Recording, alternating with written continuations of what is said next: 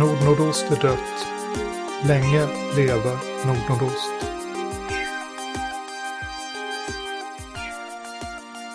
Jag heter Wilhelm och det här är det 34 avsnittet av Nordnordost. Och med mig i studion idag har jag Anders.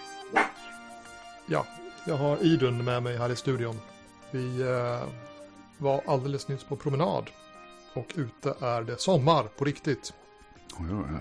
Med skrattande barn och lek och fåglar. Mm. Och det är så varmt att jag kan inte ha balkongdörren stängd för då kommer jag att smälta bort. Så att det blir förmodligen ett somrigt avsnitt med lite bakgrundsklanger här. Ja, I alla fall trevligt. på, på mitt ljudspår. Ja, ja, jag har dörren stängd. Det är, det är eh, grått i Umeå. Vi har haft fint väder hela veckan. Eller ja, sommaren kom i tisdags egentligen. Och det var inte bra. För att i onsdags så spelade vi Vampire för första gången. Och att spela Vampire med lekande barn och sommar utanför fönstret. och man måste ha balkongdörren lite grann på glänt.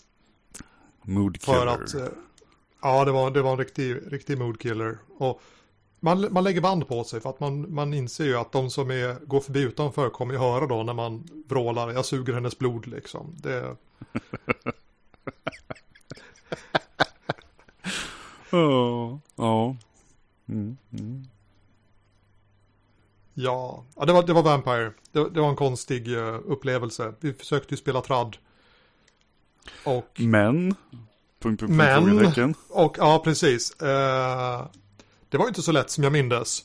Man, man var ju tvungen att vänta på att spelledaren skulle säga någonting och sen så fick man då hoppas att man gjorde rätt sak. Mm, mm. Jag yrade runt jättelänge i den här eh, parken där spelet började i hopp om att jag skulle liksom råka snubbla över eh, stationen där handlingen drog igång liksom. Ja, men nej, jag, jag, jag, jag, går i parken, nej det händer ingenting. Nej, jag, jag går hit då. Nej, det händer ingenting. Jag går, jag går till amfiteatern, nej, det händer ingenting liksom. Det var väldigt så här. Peka klicka. Ja, precis. Eh, Så vi hade ett litet retro efter eh, spelpasset och sa vi kanske ska vara lite mera så här storygamiga. Sådär. Ja, det kanske vi ska vara. Ska vi ha en spelledare till också eller? Ja, ja, eh, ja. Så att jag, jag ska tydligen spelleda halva nästa spelmöte. Vi, vi delade spelvärlden i, i två stora delar och jag ska då styra det som sker i den yttre delen och Mattias spelleder det som sker i den inre delen. Okej. Yttre och inre här då. Ja, ja, ja det som det, vi, vi spelade i Atlanta och det är en stad Ja. naturligtvis då.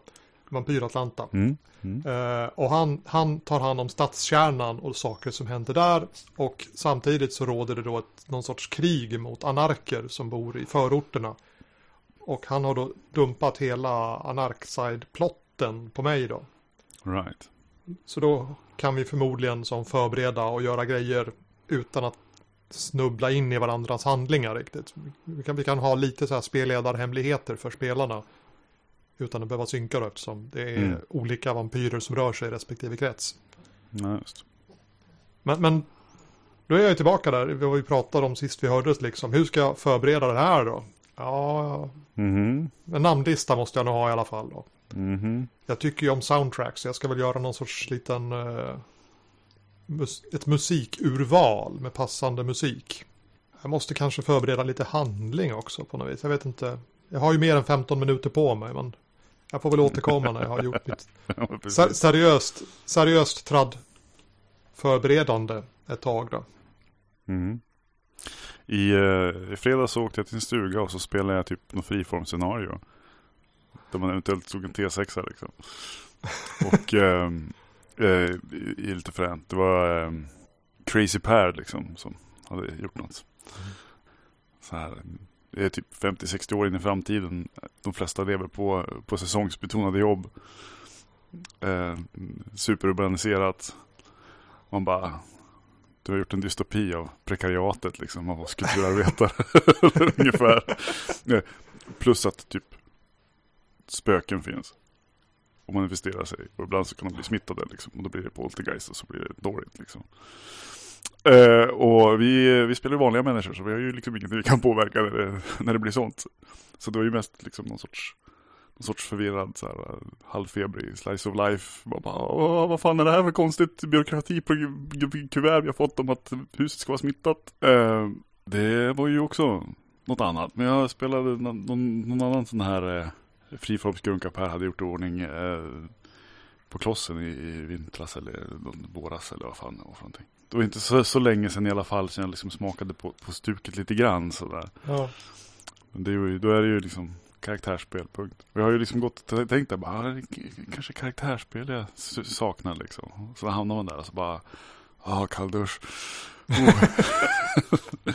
Men eh, då rakt in i liksom ett förberett scenario där vi gör våra egna rollpersoner utan att liksom förbereda svinmycket. Jag bara, ah, jag heter det här, jag jobbar med det här, eh, mitt spöke är en katt som har blivit påkörd. Ser fin ut på ena sidan. that, that, that's my character.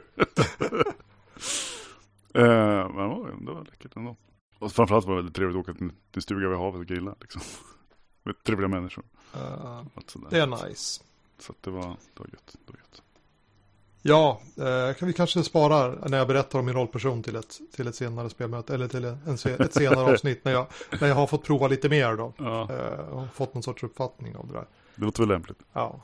Eh, jag tänkte att vi skulle ha någon sorts tema eller ämne för dagens avsnitt också. Mm.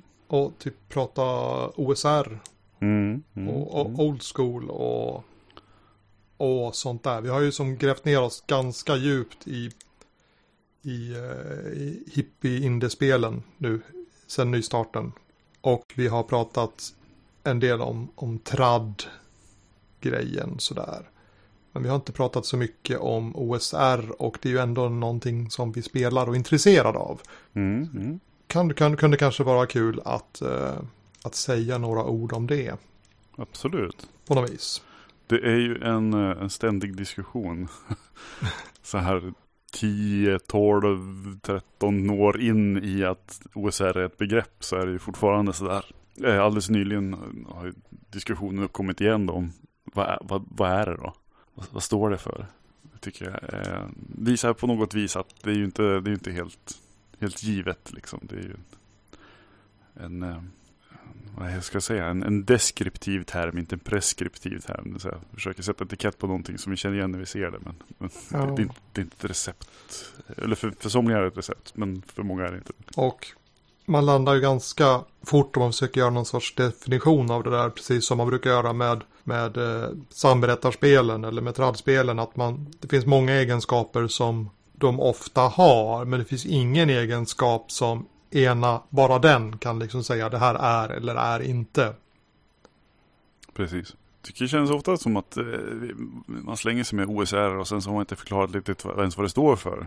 Och bara den grejen, alltså vad, vad förkortningen är, mm. varierar ju också. En del kör ju Old School Revival. Liksom. Jag tror till och med någon har kanske gett sig på Old School Revolution eller något sånt där.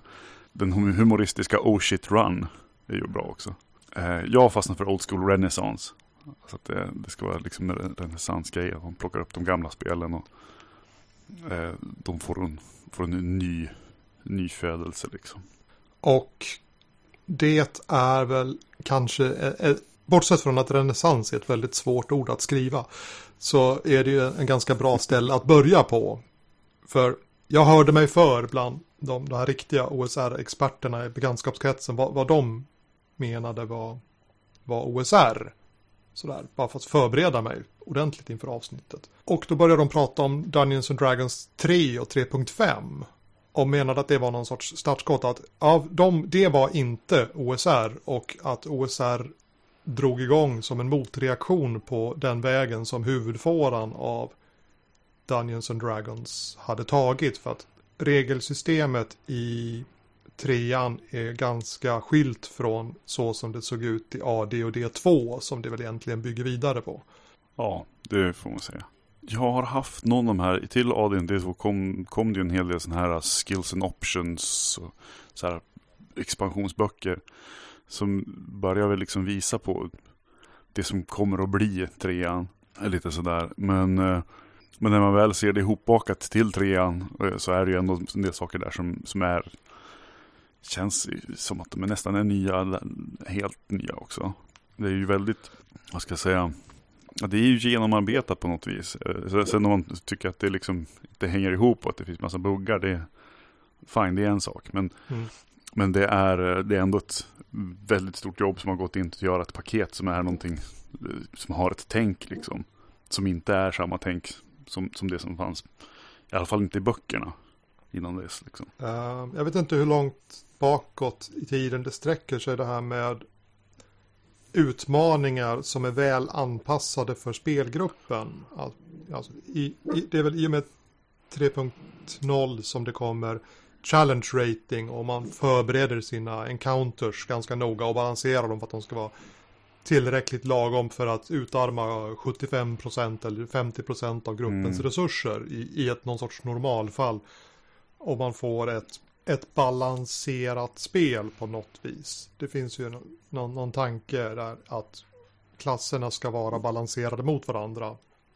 Sen om de faktiskt var det eller inte, det råder väl något delade meningar om. Men, men det var en ambition i alla fall, att det skulle vara spelbalans mellan mm.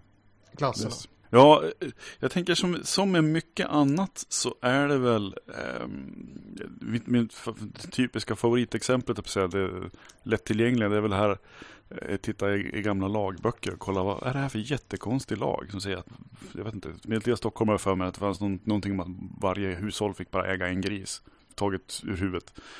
Eh, och alltså måste det vara ett problem att någon hade många grisar inne i stan. Det, det är liksom, det kommer ju som svar på någonting. Eh, så även när jag säger att det är nytt och syndes inte i de gamla böckerna så, så måste det ha varit någonting som har uppstått i till exempel det, det så här, eh, sena 80-talet eller 90-talets spelstil. Att man börjar göra encounters som är mer och mer eh, anpassade. Och att det där blir då grunden till den nya versionen lite grann också. Att man tar reda på det. Så att det lär ju vara någonting som funnits liksom i någon spelkultur någonstans som de har plockat upp på. Eh, skulle jag tro i alla fall. Men med, med det i bakhuvudet så kommer vi väl till en av de här sakerna som jag ser som kännetecknande för OSR-sättet att spela i alla fall. Och det är att mötena med monster är inte balanserade. Om spelarna svänger höger i labyrinten och landar hos draken när de är på level 1. Sucks to be them. Det fanns en drake där. Oh shit run. Ja. Ja, det men visst. Det är någonting definitivt som, som lyfts upp i OSR-kretsar och, och ses väl på sätt och vis. En del, en del tycker väl verkligen att det är liksom eh, en kritisk del på något vis. När det finns ett, ett sånt reellt, vad ska jag säga, det är inte ett hot utan det är, det är en övermäktig fiende liksom. Om det är så, om man, om man blir fiende och om man hamnar där. Så, så är det en del som, någonting som bidrar till att göra omvärlden mer konkret. Det är någonting du måste förhålla dig till och det är du som spelar som har valet vad du ska göra där. Istället för att jag har tillrättalagt det för att, jag, för att vi, har en underförstådd sak, om, underförstådd liksom tanke om att det är klart att ni ska kunna rå på allting ni möter.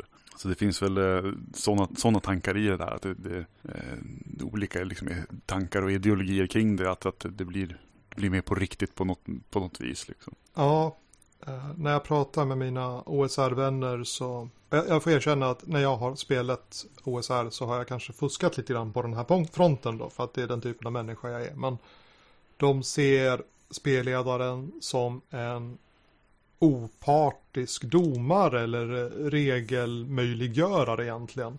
Som på ett trovärdigt och genuint sätt, inte trovärdigt, men på ett, på ett regelmässigt genuint sätt ska hjälpa spelarna att, att spela spelet och hjälpa dem att göra rulings, att tolka situationen och improvisera de regler som behövs för att fylla ut det ganska glesa regelsystemet och i allmänhet. Om, om jag då backar till så som vi spelade tradd ganska vanligt då, så var inte det riktigt spelledarens roll. Spelledarens roll var att se till att spelarna hade roligt och möjligen att hålla dem på spåret i någon sorts handling. Mm. Och det är saker som man kan, man kan göra både och samtidigt, men det är olika fokus och det blir lite olika äventyr beroende på hur man väljer att göra där.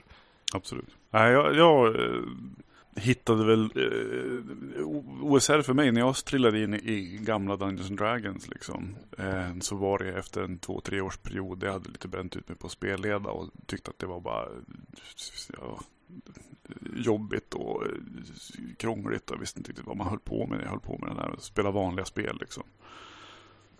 Eh, spelade, då spelade vi, det var ju från, ja men typ från 2007 2008 någonstans. Och tre år framåt ungefär. Eh, och då vi spelade som, som, eh, som mest i våra, våra hippiespel liksom. Och, och höll på.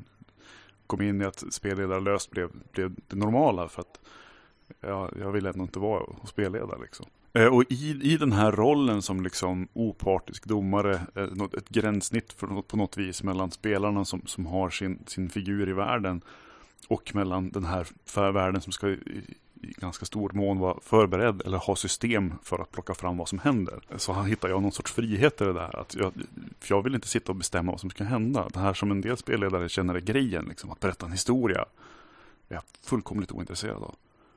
Eller 90% ointresserad av i alla fall. Då. Så att för mig så, så blev det verkligen någon sorts sätt att kunna komma tillbaka in, in i spelledandet och se här finns det en metodik, här finns det ett sätt att göra det på. Sen att det ska säga i OSR-paketet, att det paketeras så att det här, det här är spelledarens roll eh, och du ska ha det, rulings not rules. Eh, det ena, ena sidan så kanske det är liksom historierevisionistiskt. Folk spelade inte nödvändigtvis så ens 1976 liksom. Eh, å andra sidan så eh, är det ju, är det ju bara, är, ja, det, nu, det, det blir samma sak egentligen, båda punkterna. Eh, men, eh, ena sidan så, så, är det inte intressant och andra sidan är det idealiserat i nutid också på något vis. Eh, men, men i och med att det fanns en, en metod att, att, ta till sig så blev det, tyckte jag att det blev jävligt funktionellt. Det, det, det, går att se hur man ska göra för att det ska funka och jag tycker att det funkar väldigt, väldigt bra. Och här är väl kanske lite för mig knäckpunkten när, när jag kom in och upptäckte den grejen och jämför med hur disillusionerad på något sätt jag blev när jag hade eh, skaffat eh, Dodd 91 och spelade lite grann och bara det här sög ju. för att det presenterar ingen metodik för mig utan det här, det här är bara upp till mig som spelledare att, att komma med någonting jag vill göra. Jag tyckte inte att det presenterade mig liksom i någon, något sätt att göra det på. Då, då ska jag redan ha det från någonting annat eller sådär. Och ja. de här metoderna vi pratade om, liksom 15 minuter för att tradspela, de hade inte jag då. Så den, den, den sortens spel var inte, liksom inte tillgängligt för mig än. Nu vill jag inte rangordna spelstilar i förträfflighetsordning här, men, men att spelleda OSR är nog lättare att lära sig att göra på ett, ett sätt som spelarna uppskattar, ifall det nu är det man är ute efter, än att lära sig att spelleda tradd på ett sätt som spelarna uppskattar. För att det är mer, det är mer rättframt om man har sin man, man, kan luta sig på, på vad som står i tabellerna och böckerna på ett helt annat sätt mm. än man lätt kan göra som spelledare av ett traditionellt spel. Där, må, där behöv, finns det en, ett större moment av saker som man måste ha med sig själv in i, in i spelet. Mm.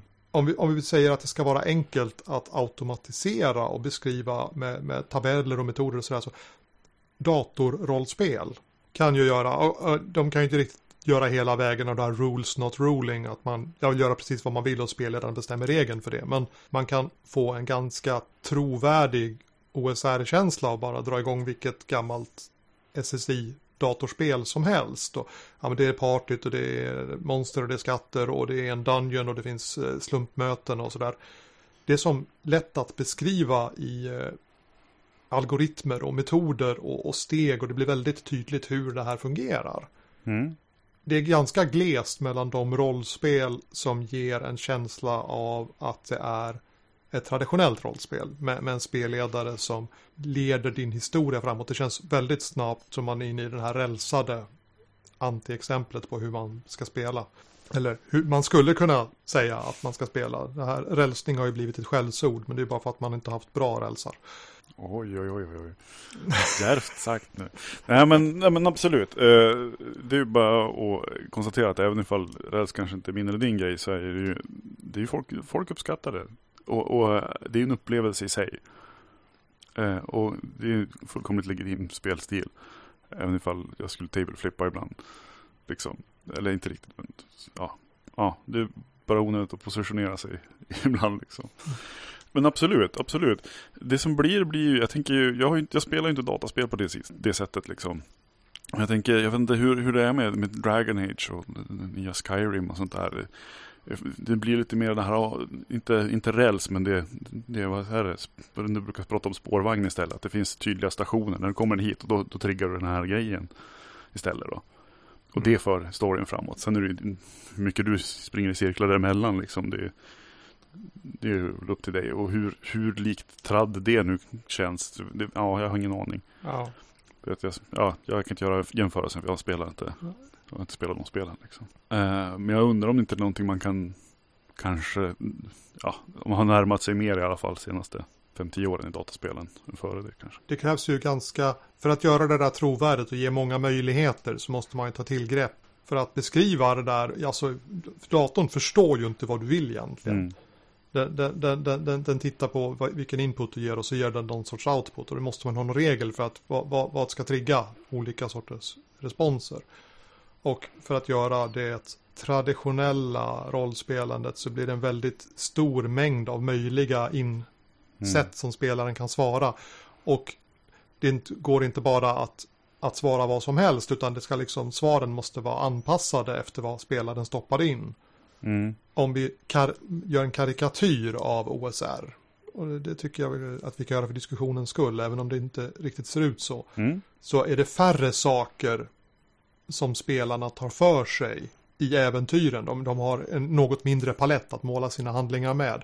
Och den paletten är oftast lättare att beskriva för en dator så att datorn förstår vad, vad det är du är ute efter och vad du gör och sådär.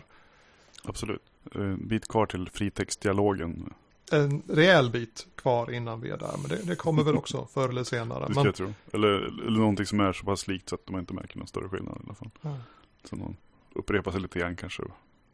Kan säljas som personlighet hos, hos bifiguren. Ja, det- ja, det finns ju det här eh, Turing-testet som de tävlar sina AI-ar i. Att kan Mm. man mm. missta datorn för en människa? Och jag tror att vi måste vara där innan datorn kommer att göra traditionella rollspel på ett sätt som är riktigt tillfredsställande. Men du, eh, eh, apropå algoritmer och eh, vi har ju pratat om det här flera gånger nu, rulings not rules. En vän och en gammal eh, rollspel.nu-kändis, eller jag säga, Night Owl, eh, har vid flera tillfällen vädrat i sådana här diskussioner att väldigt, väldigt många så att säga spelledare, när det begav sig, eh, sent 70-tal, tidigt 80-tal, hade tjocka pärmar med massor med husregler i. Precis på samma sätt som, som många har utvecklat sina Drakar och Demoner-spel liksom, hemma i sina spelbord. Eh, och att rulings not rules är kanske mer en modern princip som man då tar från hur det står i regelboken snarare än hur folk har spelat. Eh, som jag tycker låter ganska att det, det är ganska rimligt och han, som han sa nyligen själv sådär. Det kanske, det kanske är en vettigare ståndpunkt kanske, med metodik, metodik kanske att, att, att köra på en, på en ruling istället för att ha en tjock tjock pärm. Bara man är överens om att eh, ja, men jag, jag, jag kommer att göra en bedömning. Och den kanske inte är exakt likadan varje gång. För att vi kanske uppfattar situationen lite, lite olika. Eh, men så man, inte, man kan ju hamna i den där situationen. Men förra gången så vi gjorde det här, då fick jag ju plus två. Får jag ingenting nu? Men då kan man ju ändå liksom förhandla om, om, om man tycker att det är samma situation eller om man ser det på, på andra sätt och sådär.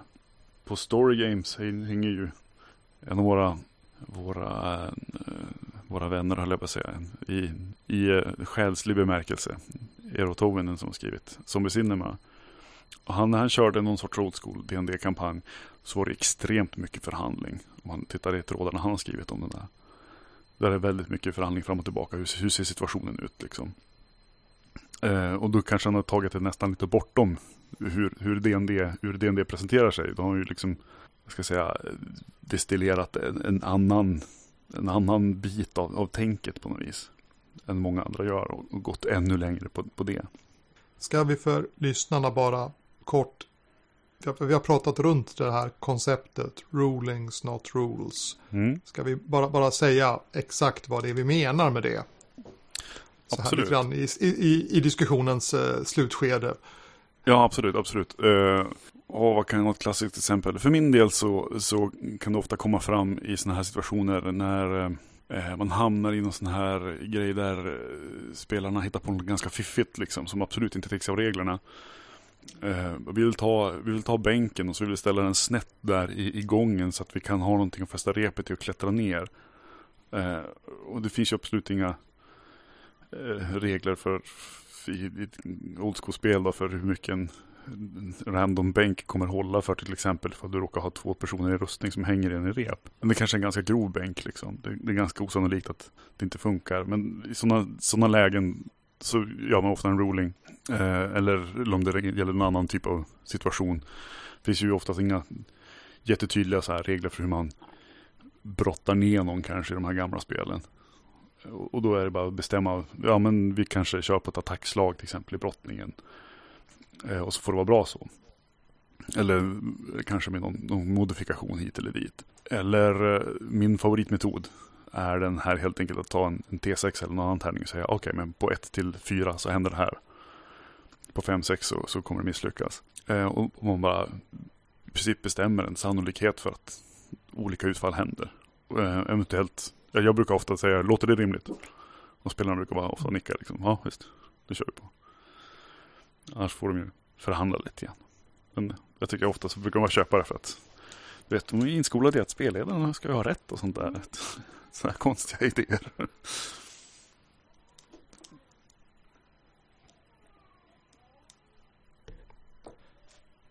Uh, ja, jag upplever ofta i de där förhandlingssituationerna att ifall man som spelare har en väldigt annorlunda uppfattning än vad spelledaren har på sannolikheten att det lyckas. Mm, ja, det så är det, är, är det inte där det, häng, det skiljer utan det är att man har missförstått eller man har förstått situationen olika. Mm, ja, det skulle jag och man backar diskussionen och, och, man bara, jaha men bänken brinner, det förstod inte jag, trodde det var gobelängerna som brann. Ja men då håller det här mycket sämre ju. Min upplevelse är också att, att är det någonting sånt där så är det ofta en, sådana saker. Eh, för det, det, märker jag ibland om jag har zonat ut själv, då måste jag bara, vänta, vänta, vänta, var den där där och den där där? Okej, okay, men då förstår jag precis hur du menar. Då, då är jag helt med. Eh, om jag sitter och spelar. Liksom. Eh, så det, det blir ju, den här förhandlingen är ju lite grann att, att, av, att, av att precisera hur, hur, hur fantasin ser ut. På att säga. Vad, vad är den konkreta situationen i spelet på något vis. Ofta är, är det där. Och, och där dyker ju ett, ett principtänk upp som skiljer sig mot eh, samberättarspelen eller hippiespelen. För där, där, är det den som säger någonting som bestämmer hur, hur, hur det står till med den där bänken egentligen. Och, ja, det står, det står en gedigen bänk där. Mm, ja, och jag tänker klättra ner för den. Eller, ja, det, det, står, det står en brinnande bänk där, men jag tänker chansa och försöka klättra ner med hjälp av den. Och det är väl så jag har spelat ganska mycket de senaste tio åren hos då. Mm. Eh, och det är väl eh, en, en av anledningarna till att min rollperson irrade runt i den där parken så länge. du ju inte bara säga plötsligt ser jag. Nej, precis. Det, det bar mig emot. Jag minns nu ska vi spela nu ska vi spela traditionellt och då, då är det spelledaren som ska mata mig med Ja, jag, jag, jag ger inputen och, och, och, spelledaren ger output. Spelledaren är datorn som gör någon tolkning av vad jag säger och så kommer det tillbaka någonting. Liksom. Mm. Liksom, ja, men jag, jag, provar här, nej det händer ingenting. Ja, men jag provar här, det händer ingenting. Liksom. Försöka jaga det här momentet som leder oss vidare i handlingen. Spännande, spännande stickspår där kanske, klipper bort det. Jag får se. Ja, nej, ja. ja men... Men, men, men det är du känner efter. Mm.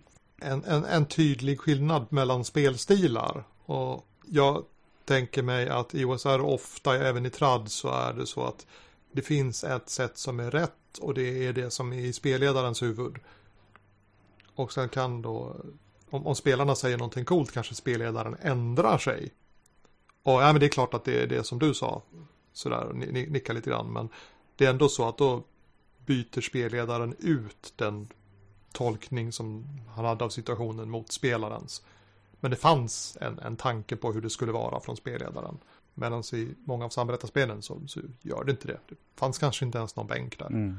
Ja, just. Det blir ju, det blir ju stor skillnad eh, i, i riktigt typiskt eh, old school-spelande så, så finns det ju faktiskt en karta och en bild på det där rummet från, från början. Liksom, om det är en bänk. Och i ett i, typiskt sett i ett handbetarspel då skulle vi, komma, då skulle vi liksom sammanfatta det här. Du kommer i ett rum och det är den här, det här rummet har den här karaktären. Liksom.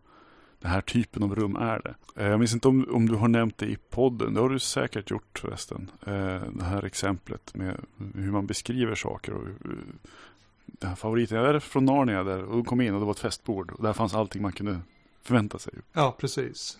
Och, och, och, då har man liksom planterat en massa idéer sådär. Och då folk kan fylla på. Och sen får vi kanske jämka lite grann i slutändan ifall, ifall det är någon som plockar upp någonting och kastar någonting. Men, eh, men den där, hur den här bänken exakt ser ut. Vi har redan en karaktär på rummet. Det är klart det finns en bänk där. För att det, det var ett sånt typ av rum. Liksom. Det passar in i bilden. Istället för att komma in i rummet och jag tar den här eh, stora ondskefull, ondskefulla järnburen och, och stänger in dem i. Men, men var det inte en salong? Vilken typ av salong var det egentligen? Om det plötsligt ska hänga en järnbur här. Då, då, då har man ju kanske liksom nått någon sorts punkt där, där man, man skulle behöva kolla om alla är okej okay med det. Liksom. Eller om man måste ta till eh, arkipelagofrasen, gör på ett mm. annat sätt. Den, den, har vi blåst liv i nu när vi spelade Vampire. I, i, i retrosnacket så var det en av spelarna som bara, men jag hade ganska coola saker som jag, som jag ville göra, men jag visste inte om jag riktigt fick eller vågade göra det liksom. Sådär, ehm, vågade, ja, jag visste inte om det passade sig liksom. Men då, då sa vi det, nu ska vi spela djärvt. Så att ta ut svängarna och ifall man tycker att någonting inte passar, då, då är det så man säger. Men, men försök på ett annat sätt. Så att man inte håller tillbaka och tjuvhåller på sitt åsom där som man, man kunde säga vid bordet av rädslan för att, att, att, att rubba någon cirklar. Mm, Utan hellre att, att hellre ta ut svängarna lite för stort och snällt besbacka lite grann att, än att sitta och tjuvhålla på sin hand och inte riktigt våga gå hela vägen. Så att, det har vi då infört att nu när vi spelar Vampire så har vi försökt på ett annat sätt importerad från Archipelago och det är husregel. Då. Du, det ser jag fram emot att höra om, om det kommer upp något mer. Liksom. Eller om det är bara en sak som kommer att ligga där och, och inte liksom faktiskt komma i, i bruk. Liksom. Men, men bara, bara, eh, Spännande. redan att vi har sagt att den finns så är den ju i bruk därför att då vågar folk mm. gö göra saker som de kanske inte hade vågat annars. Sen kanske man, ja, förstås. man aldrig använder den där. Men, men den har ju ändå satt tonen på hur diskussionen ledde. Mm. Vilken kultur ska vi ha vid det här bordet egentligen? Ska vi våga ta ut svängarna eller ska vi hålla, hålla oss på det säkra hela tiden? Mm, ja, visst, visst. Eh, du, ska vi eh, gå på ett annat klassiskt OSR-ämne här? Eh, jag tänker på OSR, är det bara Dungeons and Dragons? Oj! Jag har för mig att vi är ganska överens om det här. Eh, om man pratar old school och ut, börjar utesluta spel som typ Traveller som kommer 1977. Då känns det inte så rimligt. Liksom. ja, för min del så, så bryt, det, det faller på en gång ifall OSR är liksom old school. Om det bara kan vara DND liksom. Men där kommer ju också in i det här med att eh, det finns vissa principer som, som brukar tillhöra old school, eller OSR liksom sådär stort. Men det som är så givet för att, för att det ska kunna bli old school DND är inte nödvändigtvis det som kommer karaktärisera old school traveler liksom. Eh, så där, där får man ju direkt de här, det finns många, många saker som brukar förekomma men det finns ingen, ingen enda punkt som säger att det funkar liksom på en gång. Det jag tänker lite grann i huvudet där, jag kan fylla på med det på en gång. Det är ju det att eh, om vi tänker oss att liksom, publicerad rollspelshistoria började 1974 med, med första Dungeons and Dragons. Tio år senare, då är vi eh, framme vid att RuneQuest har kommit ett, en, ja, två år, nästan uppe i sin tredje utgåva tror jag. Och då börjar vi vara ganska nära att, att tradspel som, som, som jag tittar på det i alla fall, är fullt formerat. Det, det är färdighetsbaserade system, det, man börjar luta sig mer och mer mot spelledarens historia och så vidare. och Så vidare.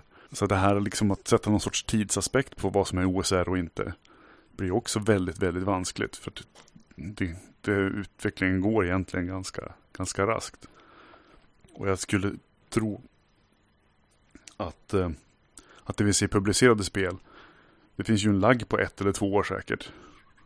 Till, till någonting kommer i publikation liksom skrivet mot för hur folk spelar. Det, det gör det nog, speciellt om vi befinner oss i en era utan internet där spel sprids som word of mouth eller i bästa fall som reklam i speltidningar. Mm. Utan man, man, man, träffar någon som har spelat ett, ett, ett nytt spel. Man bara, vad är det för någonting? Och så kanske det dröjer någon månad innan man har träffats och fått provspela det där spelet. Och så eh, saker sprids långsammare. Så jag tror som du säger att mm. publiceringsåret säger kanske ganska lite om hur folk spelade vid just det året. Utan det påverkar lite senare. Men jag tänkte på uh, Traveller är OSR. Eh, jag håller nog inte riktigt med i alla fall. Mm och, och jag, ska, jag ska lägga fram mitt, mitt argument. Eh, och så får vi se Absolut. hur rätt jag har här. Jag menar att OSR och R är då renässans, på nyttfödelse eller revival, även det är liksom ett, Mm. ett uppväckande. Det är, vågen drog igång med väldigt grova penseldrag då. I, i kölvattnet på eh, Dungeons and Dragons 3 som hade sin öppna spellicens som tillät att man gjorde modifikationer på Dungeons and Dragons och, och inte kallade det Dungeons and Dragons, men regelmotorn kom liksom fri. Man behövde liksom inte vara rädd att behöva bråka om licenser och patentintrång och rättigheter och sånt där. Men man kunde göra schyssta grejer ändå. Mm. Och samtidigt som man drog iväg på det här tredje utgåvans spår så fanns inte första utgåvan tillgänglig längre. Ja, man kunde köpa den på begagnatmarknaden men den gick inte att köpa direkt från tillverkaren längre. Utan det, äh, men vi har gått vidare, nu är det det här som är Dungeons and Dragons. Här finns det lite grejer du kan använda för att göra dina egna regler och du kan väl släppa dem också under vissa omständigheter. och sådär. Det, det är okej, men, men Dungeons and Dragons är tre och framåt. Och de som inte tyckte om det där, de tyckte inte om hur, eh, hur spelet hade utvecklats och ville göra en återuppväckelse av, av det gamla Dungeons and Dragons. Och därför blev det då, det blev OSR. Jag kan säga att Traveller är old school. Det, så långt är jag med. Men att säga att Traveller är old school, en del av Renaissance eller Revival, tycker jag inte riktigt är rättvist. Därför att Mark Miller har varit otroligt bra på att tillhandahålla de klassiska böckerna under hela den här perioden. Ja, spelet har kommit i sex eller sju olika utgåvor nu då. Den, den, den senaste helt enorm. Och om man ska räkna in GURPS Traveller och lite sådana här stickspårs. Men det finns väldigt många versioner av Traveller. Men hela den här perioden har det gått att köpa klassiska Traveller fortfarande. Nu, nu för tiden får man köpa det som, som digital pdf. Eller på en CD-skiva. Länge innan, inte, innan, Mhm. innan internet riktigt slog igenom så kan, kunde man ändå köpa en officiell sanktionerad CD-skiva med inskannade gamla böcker. Så det gamla spelet har, har levt vidare utan att tillverkaren har försökt kväsa och ta koll på det liksom. Så där har inte behovet funnits av att göra en, en revival. Eller en renässans, ja, Mm. sådär. Eh, och därför så tycker jag att det finns massor med saker som är old school och som tilltalar folk som spelar OSR för att de är, det är samma grej. Men de sakerna i sig är kanske inte OSR. Hänger du med hur jag resonerar? Ja, då han, skulle jag säga, du, du kopplar begreppet snarare till, vad ska jag säga, eh, alltså skapandet och spelandet på något vis då. Eh, Ja. för jag tänker, i, i mitt huvud så tänker jag att OSR, eh, om vi ser det som en rörelse liksom. Om jag sitter hemma och, och eh, hakar på och bara okej, oj, det här, eh, gamla D&D var coolt. Det här är någon som gjort ett, ett, ett retrospel. Eh, spelade lite grann.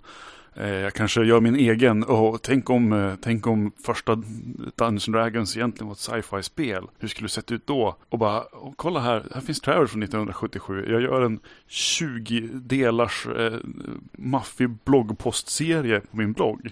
Jag skulle se det som en del i vad OSR är, att det finns en renässans som pågår.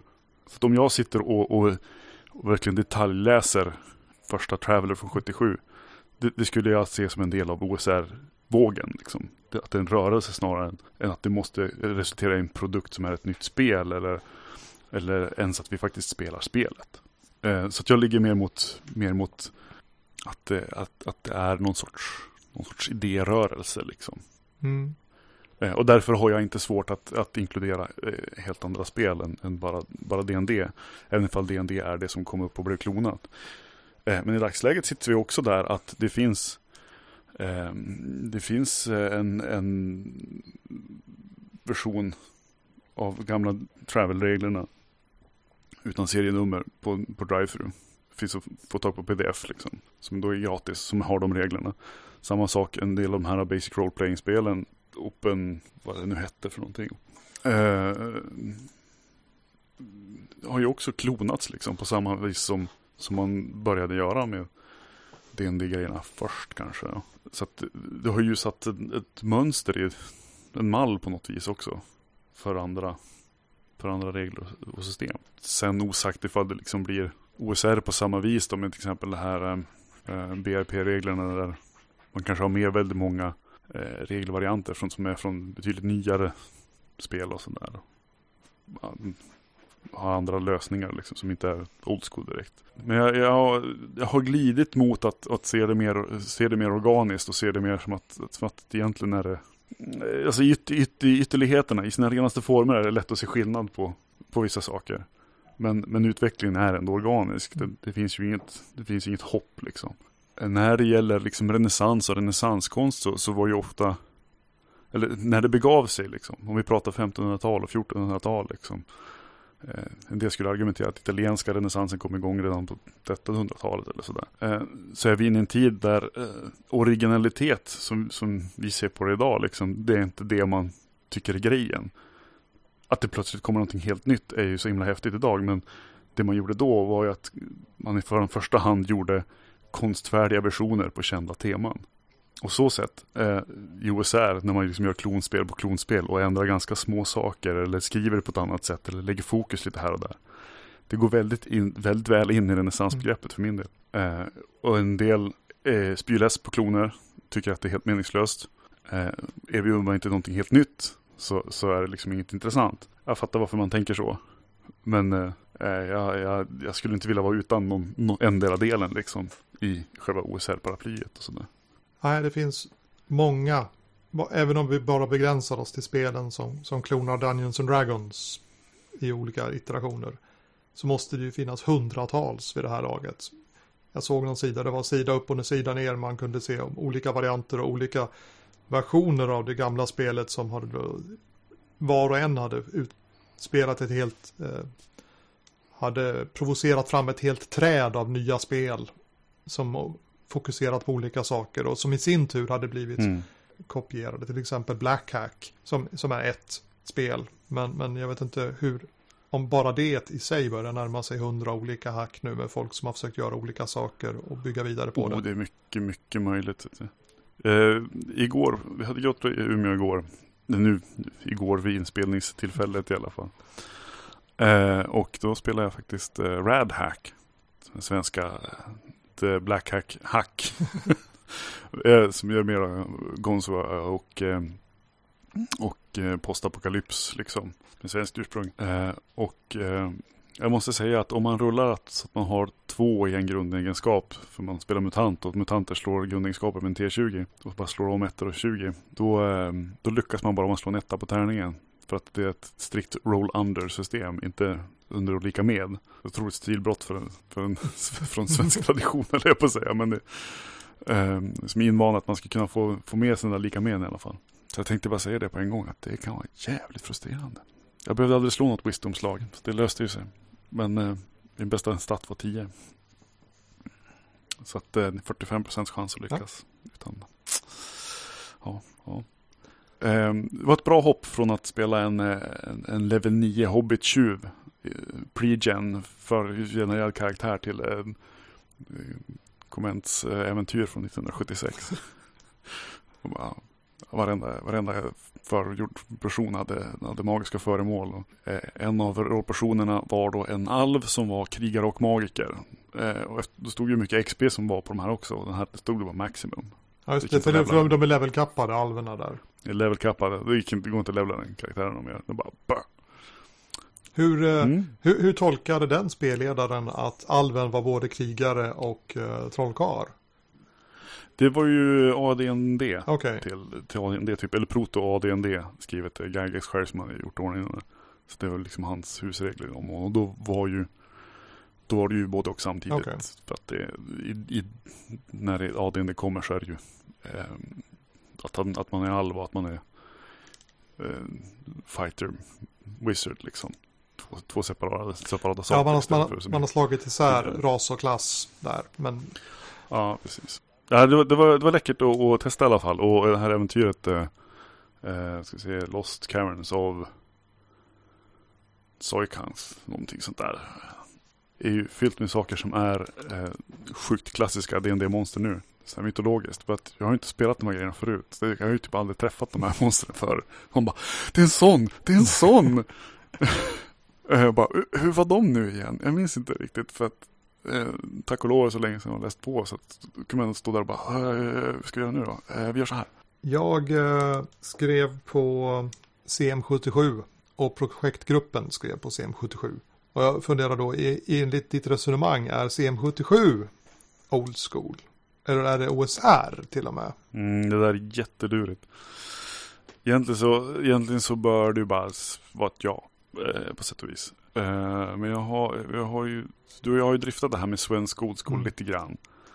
Och jag har, jag, har, jag har svårare att förhålla mig till det där. För att när jag, jag upplever att ganska snart efter att eh, Drakar Demoner kommer på banan så, har, så slår det sättet man skriver om rollspel eh, i svenska rollspel liksom, om från, från så att säga old school-tänket till, till det som jag förknippar med trad. Mm. Att spel, spelledaren ska ha mer av en historia. Spelledaren har mer av en uppgift att servera någonting till spelarna. Eh, och i allra första eh, Drakar och Demoner från 82 liksom, så vet jag inte om det. Jag, tycker, jag vet inte om jag läser det på samma sätt. Men det blir också konstigt så här, för det, det är en, vi måste ändå göra skillnad på hur, hur läser folk spelen och hur har folk spelat spelen. Liksom. Eh, och jag tror absolut att folk har spelat BRP-spelen eh, lite mer platsbaserat, lite mer eh, spelardrivet liksom. Eh, som man spelade D&D typ-ish lite grann. Och sen har glidit, glidit iväg mot, mot den här stilen där, där det ska finnas mer av ett äventyr, mer av en röd tråd på något vis. Men jag, jag, jag vet inte, jag är inte riktigt liksom helt klar, klar hundra och genomtänkt på vad jag, vad jag skulle säga. Um, om jag, om jag liksom eh, rakt av köper eh, saker som, som Radhack liksom. Som OSR och tycker jag ändå är ganska tydligt liksom. Så finns det egentligen ingen anledning att, att CM77 inte skulle ingå i det. Eh, även ifall ni skulle välja att göra en del saker på, på ganska liksom, moderna sätt egentligen. Eh, för du, eh, du är ändå inne på att ha en stor bakåtkompatibilitet. Och det finns inte så mycket saker där som är, som är helt, helt väsensskilt. Utan det är ju, på det sätt så är det ju eh, grund och botten grepp som, som har dykt upp i, i, i spel ganska tidigt ändå. Många saker. Ja, eh, vi, vi, släppte ju vår första publika speltestversion. Nu får vi väl se och om du tycker samma sak när du ser vad det blir när det blir mer klart. Mm, ja, visst. Ja, det känns spännande. Eh, det som, det som eh, framförallt saknas för att jag ska ta det riktigt på allvar det är väl eh, cyberregler. Cyberentik, cyber, cyber, cyber M77, cyber, cyberteknikregler. Ja, just det. klippte jag bort dem. Vi, vi, vi har cybertekregler i i, i den interna versionen som projektgruppen började ja. med. Men de följde ja, alltså de inte, inte med, med i, i speltesten. Nej. Nej. Nej, nej då... Så att, äh, Men du, en sak som jag satt ju och yrade om, om hur himla bra det var med, med äh, rotsystem, att det fanns det här med krom. Mm. Cybernetik som bara är på, sy, på synligt. Men, men det har väl tagit från, från 2089?